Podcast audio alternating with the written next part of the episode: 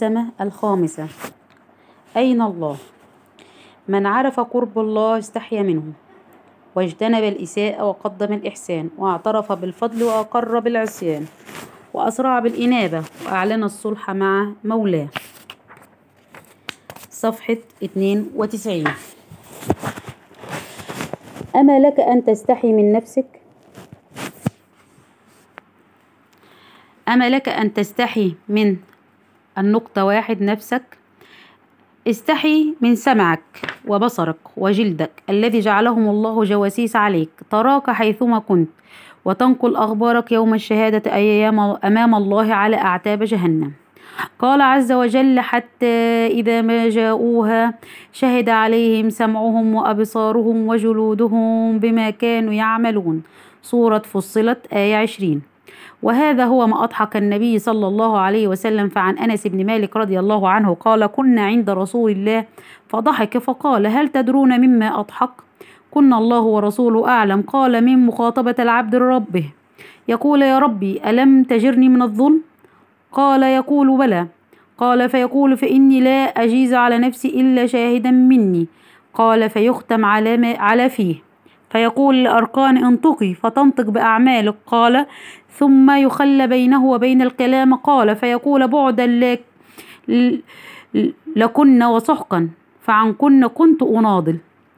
والذي والذي ألهى هذا وأمثال عن الله وصرفه عن الآخرة هو ما واجه الله عز وجل به أهل النار يوم الحساب. فقال وما كنتم تستترون أن يشهد عليكم سمعكم ولا أبصاركم ولا جلودكم ولكن ظننتم أن الله لا يعلم كثيرا مما تعملون سورة فصلت آية 22 لطيفة.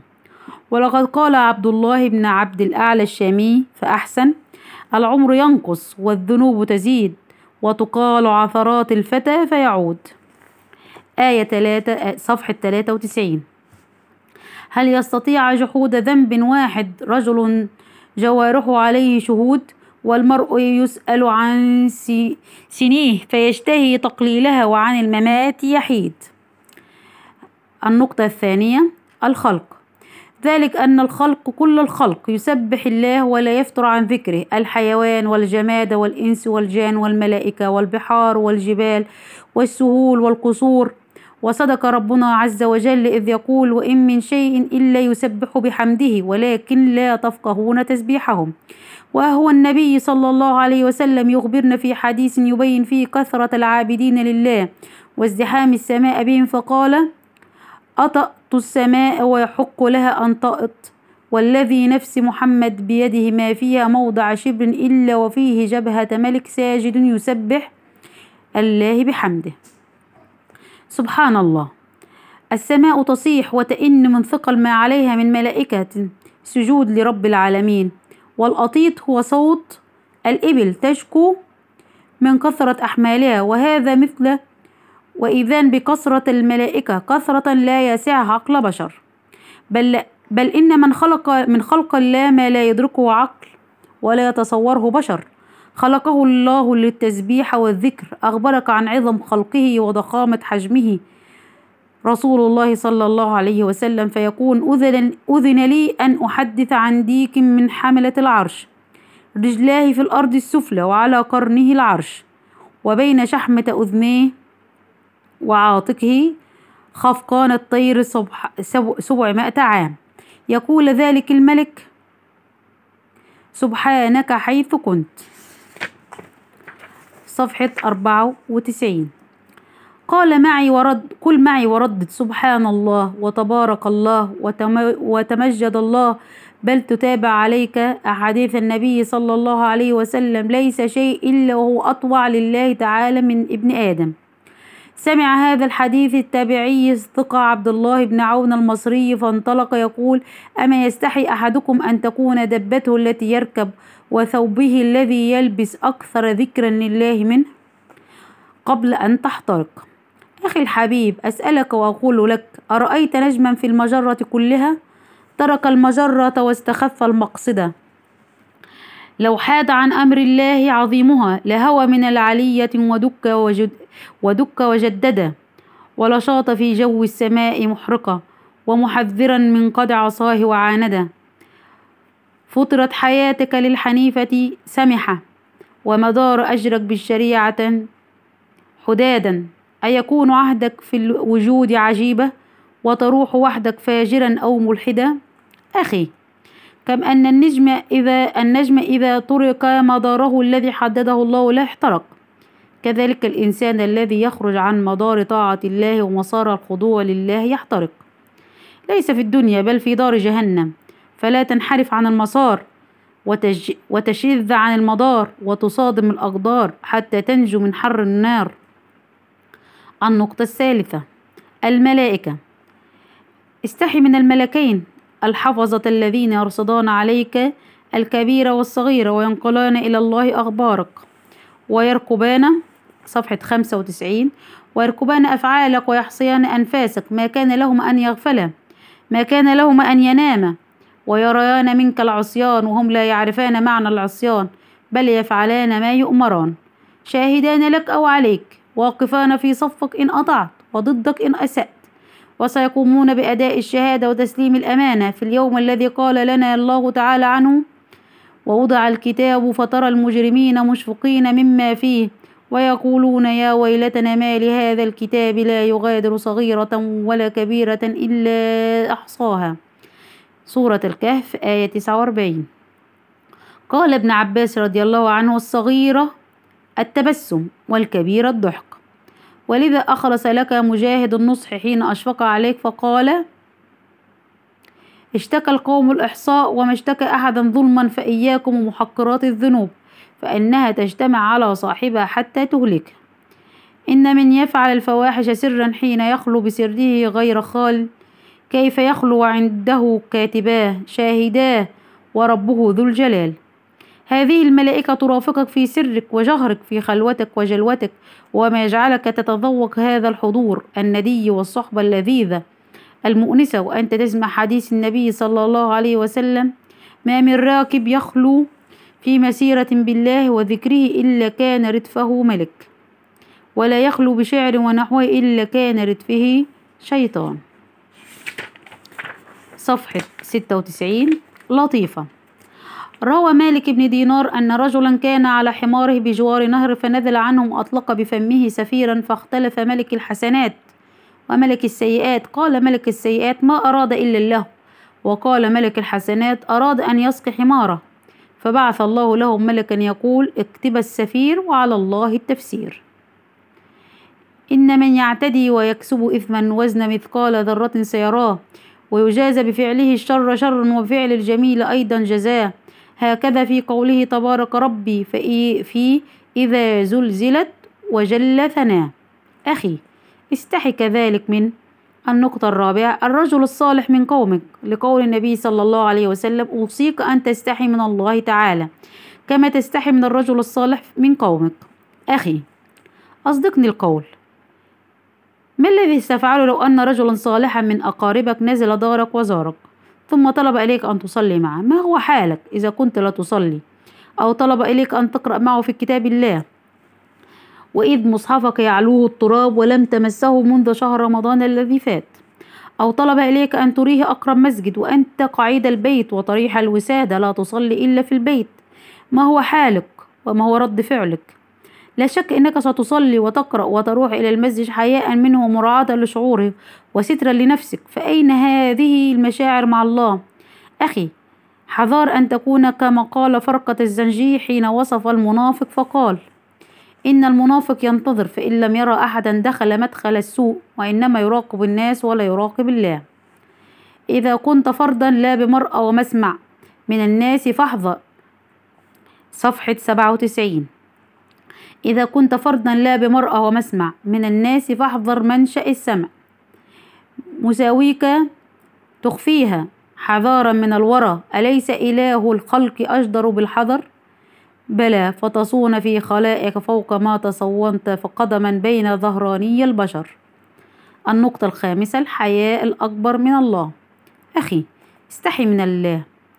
الذي يراك حين تقوم وتقلبك في الساجدين. سورة الشعراء آية 218 وآية 219 ألا تعلمون أن من صفاته أنه يعلم خائنة الأعين وما تخفي الصدور؟ سورة غافر آية 19 وأنه يطلع عليكم حال سركم وجهركم في ليلكم ونهاركم ومعكم أينما كنتم. الحديد آية 4 هذا الذي يتمادى في غيه ويغرق في ذنبه. ألم يعلم بأن الله يرى سورة العلق آية 14 لا تظنوا الله غافلا عما تعملون لا تحسبوه لا يرى ما تصنعون. إن الله كان عليكم رقيبا. سورة النساء آية واحد. ويشهد على كل ما تعملون. إن الله كان على كل شيء شهيدا. سورة النساء آية 33 بل سبحانه القائل عن ذاته أنه قائم على كل نفس بما كسبت. سورة الرعد آية 33 كل نفس بما فيها أنت أيها القارئ. وقال حميد الطويل لسليمان بن علي لئن كنت إذا عصيت الله خاليا ظننت أنه يراك لقد اشترأت على أمر عظيم. ولئن كنت تظن أنه لا يراك فقد كفرت. ولمزيد التوضيح وتحديد أكثر للمطلوب من كل فرد منا سئل أبو عبد الله بن فات عن المراقبة فقال إذا كنت فاعلا فانظر نظر الله إليك وإذا كنت قائلا فانظر سمع الله إليك وإذا كنت ساكنا فانظر علم الله فيك. قال الله تعالى إنني معكما أسمع وأرى. سورة طه آية ستة وأربعين صفحة تمانية وتسعين وقال يعلم ما في أنفسكم فاحذروه البقرة ميتين خمسة وتلاتين. ويحك. قال أبو الفرج ابن الجوزي الله الله الله دافع عنك قبل وجودك فقال مدافعا عن خلقك إني أعلم ما لا تعلمون. البقرة آية 30 واستكثر قليل عملك فقال والذاكرين الله كثيرا والذاكرات. الأحزاب آية 35 واعتذر لك عن زلة أبيك وأمك فقال فدلاهما بغرور. الأعراف سورة 22 آية 22 وغطى قبيح فعلك برداء يا أيها الإنسان ما غرك بربك الكريم؟ الانفطار آية ستة. وأربحك في معاملته فقال فله عشر أمثالها. الأنعام آية 160 ومن دافع عنك وأنت مفقود لا يخذلك وأنت موجود. وكم قدمك على سائر المخلوقات فقدمه في قلبك على سائر المطلوبات. الله أم الملك؟ راقب الله في كل حركاتك وسكناتك وخطراتك ولفظاتك. أم ترضى أن تراقبه وتعامله كما تعامل ملكا من ملوك الأرض؟ وتخيل حالك لو كلفوك بحراسة الملك. فكر ابن القيم بالنيابة عنك ثم قال هان سهر الحراس لما علموا أن أصواتهم بمسمع الملك.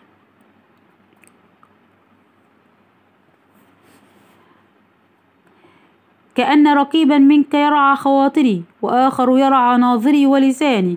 فما ناظرت عيناي بعدك منظرا لعمرك إلا قلت قدر مقاني ولا بدرت مني ولا بدرت من في بعدك لفظة لغيرك إلا قلت قد سمعاني. صفحة تسعة وتسعين نماذج فريدة. ألف ابن عمر وراعي الغنم. خرج عبد الله بن عمر إلى مكة فنزل في بعض الطريق فانحدر عليه راع من الجبل فقال له يا راعي بعني شاه من هذه الغنم. فقال إنني مملوك. فقال كل سيدك أكلها الذئب؟ قال فأين الله؟ فبكى ابن عمر. ثم غدا إلى مولاه فأعتقه. واشترى له الغنم. ومن ترك شيئا لله في الحرام أبدله الله به في الحلال. عفى عن غنيمة واحدة فملكه الله الغنم كله. باء حياء يقهر الشهوات. كان فتى من أهل المدينة يشهد الصوات كلها الصلوات كلها مع عمر بن الخطاب. وكان عمر يتفقده إذا غاب عنه فعشقته امرأة من أهل المدينة فذكرت ذلك لبعض نسائها فقالت أنا أحتال لك أنا أحتال لك عليه فأدخله عليك. فقعدت له في الطريق فلما بر بها قالت له أنا امرأة كبيرة في السن لي شاه لا أقوى على حلبها.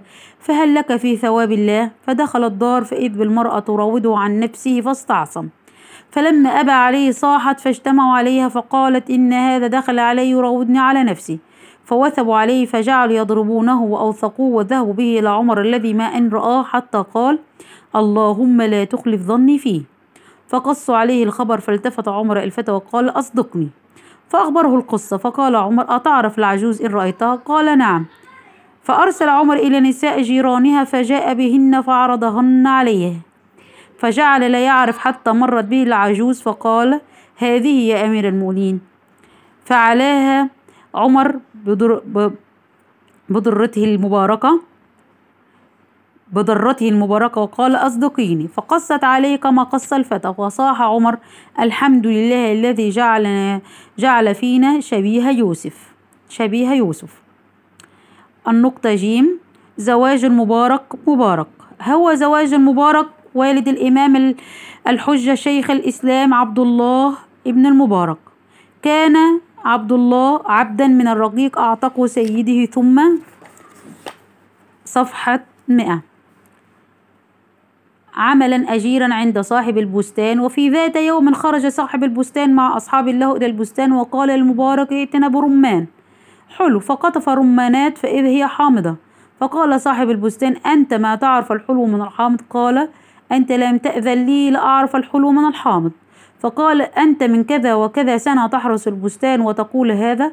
وظن أنه يخدع. فسأل الجيران فقالوا ما أكل رمانة واحدة منذ عمل هنا فقال له صاحب البستان يا مبارك ليس عندي إلا ابنة واحدة فلمن أزوجها قال المبارك اليهود يزوجون للمال والنصارى للجمال والعرب للحسب والمسلمون يزوجون للتقوى فمن أي الأصناف أنت؟ زوج ابنتك للصنف الذي أنت منه. فقال وهل يوجد أتقى منك؟ ثم زوجه ابنته فأنجب منها الإمام المبارك عبد الله بن المبارك والبلد الطيب يخرج نباته بإذن ربه والذي خبث لا يخرج إلا نكدا.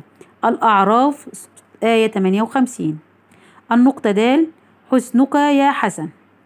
يا رب أوصلنا إلى ما وصل إليه الحسن البصري حين قال ما ضربت ببصري ولا نطقت بلساني ولا بطشت بيدي ولا نهضت على قدمي حتى أنظر أعلى طاعة وأعلى معصية.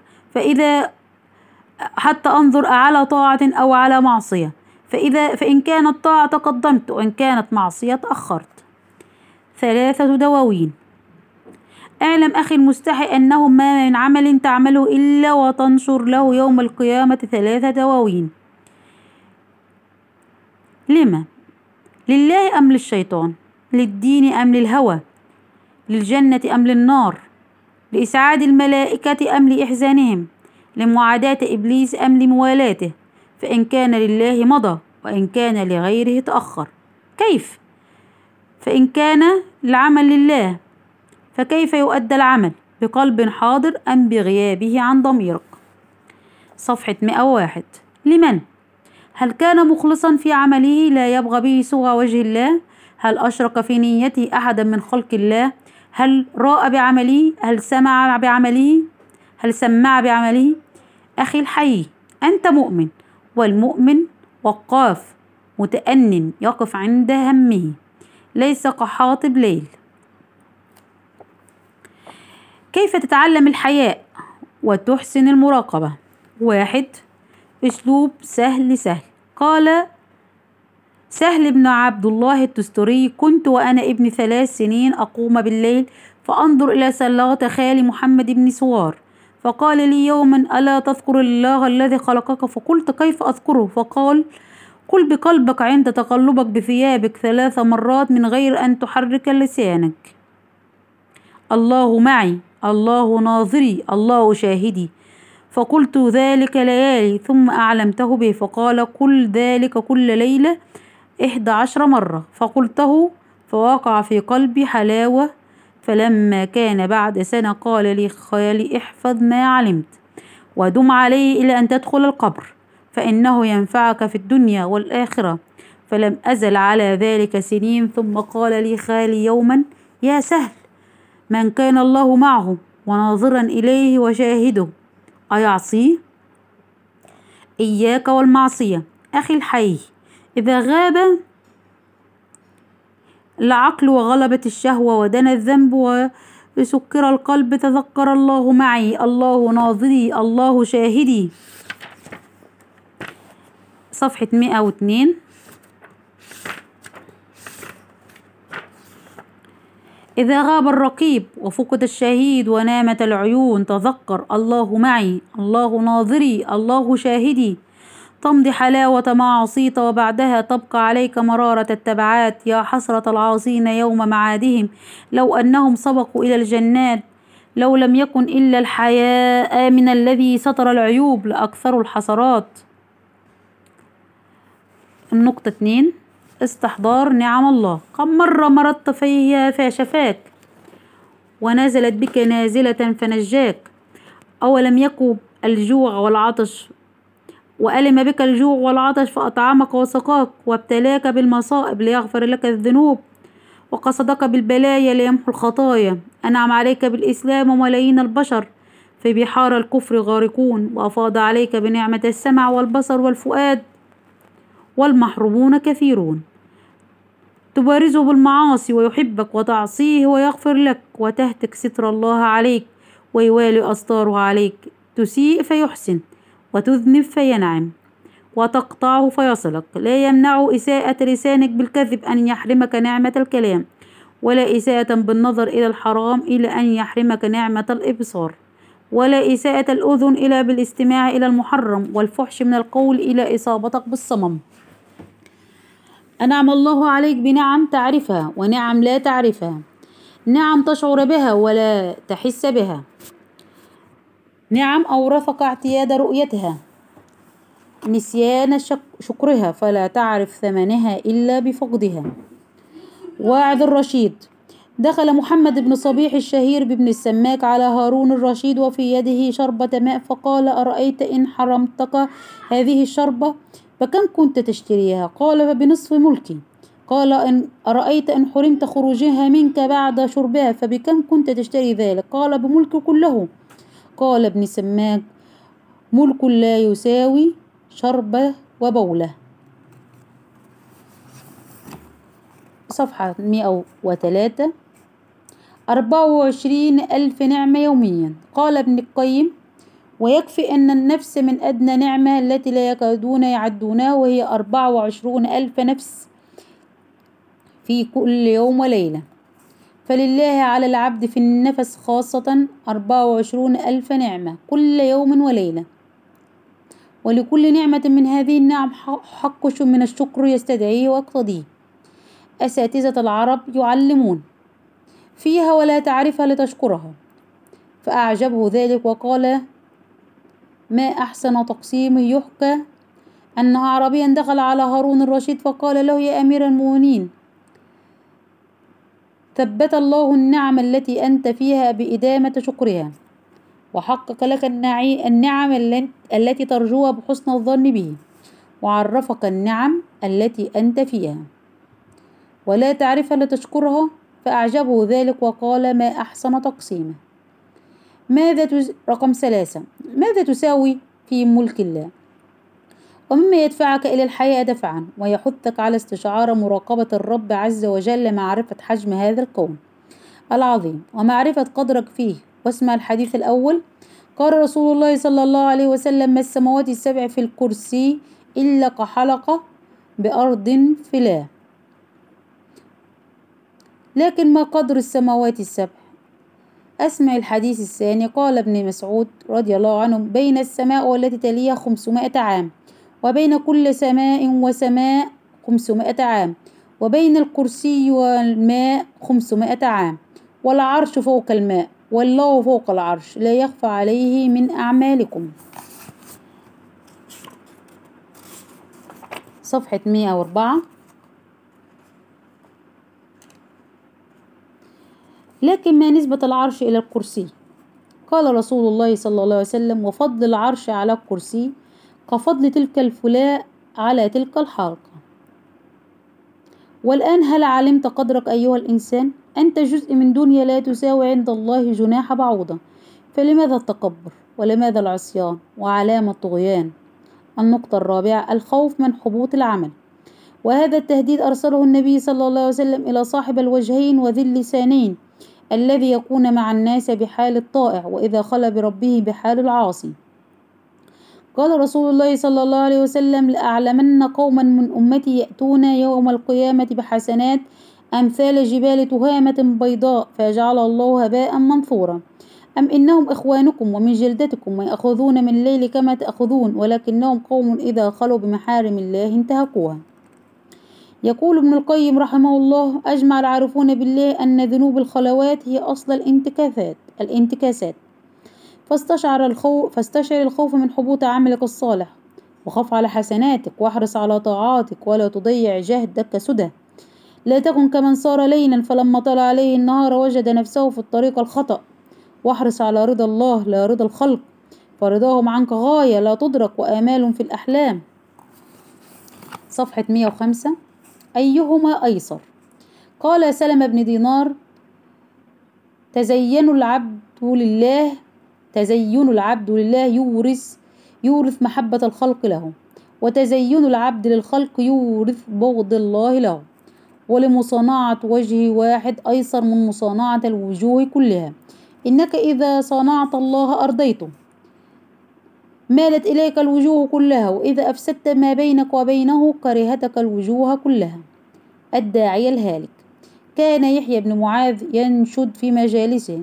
مواعظ الواعظ لن تقبل حتى يعيها قلبه أولا. يا قوم من أظلم من واعظ قد خالف ما قال له في الملا. أظهر بين الناس إحسانه وبارز الرحمن لما خلا. النقطة الخامسة الاستبشار بثواب عبادة السر. ومن أساليب التدريب على استشعار مراقبة الله الاستبشار بثواب العبادة الخفية. وكفى من ثوابها أن ثلاثة من السبعة الذين يظلهم الله في ظل يوم لا ظل إلا ظله هم من أصحاب عبادات السر. ورجل دعته امرأة ذات منصب وجمال فقال إني أخاف الله. ورجل تصدق بصدقة فأخفاها حتى لا تعلم شماله ما تنفق يمينه. ورجل ذكر الله خاليا ففاضت عيناه.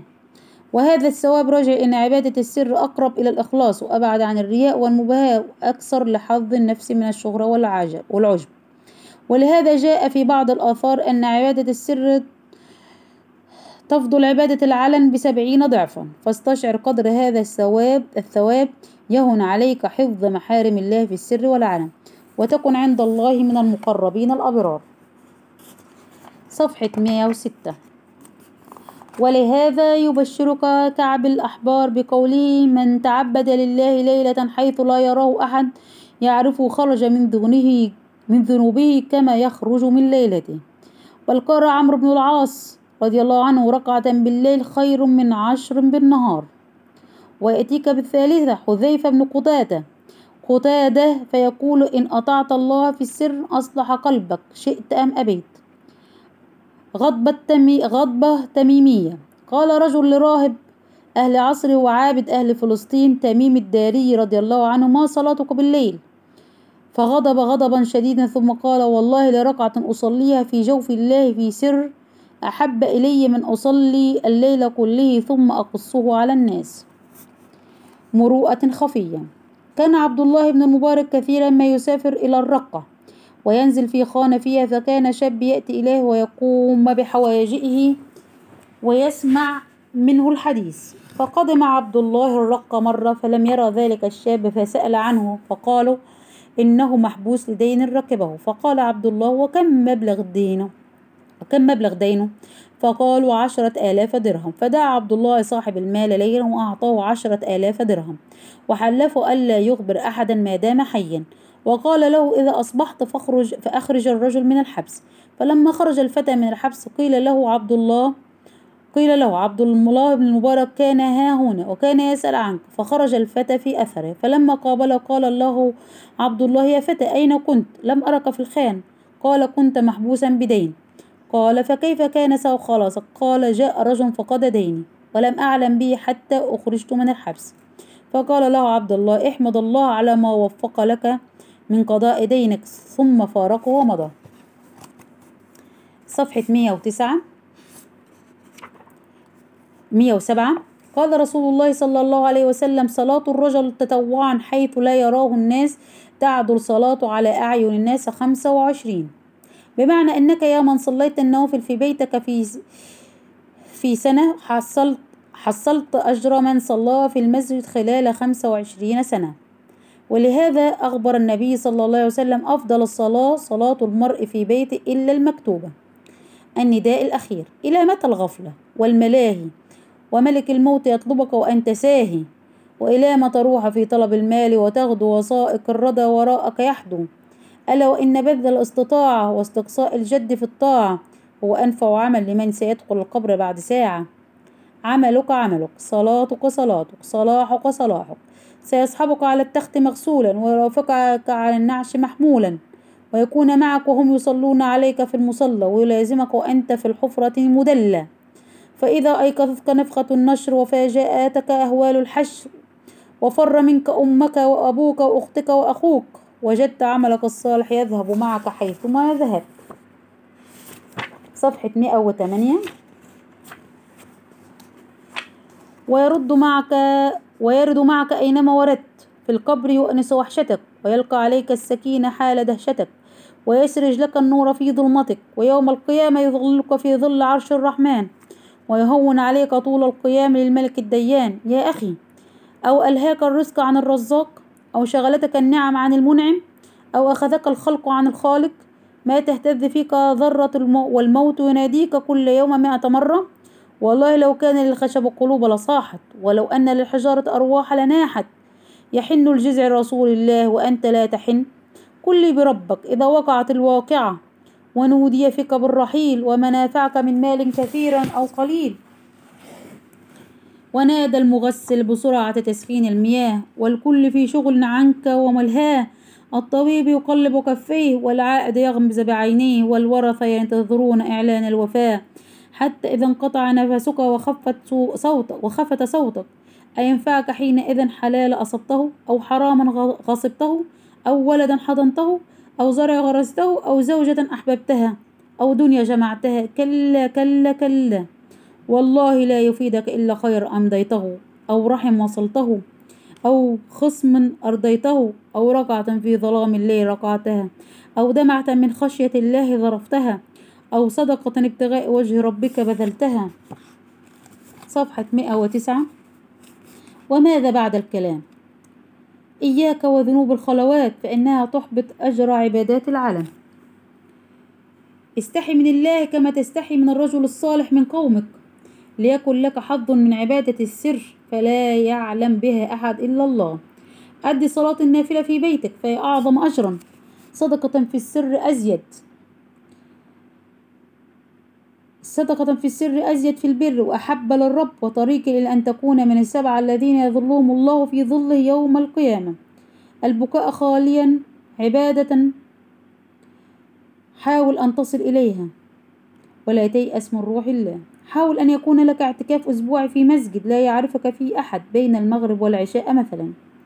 قم ليلة في الأسبوع قبل الفجر وصلي ركعتي قيام حتى تنال جائزة فلا تعلم نفس ما أخفي لهم من قرة أعين جزاء بما كانوا يعملون. السجدة آية 17 انتهى التسجيل.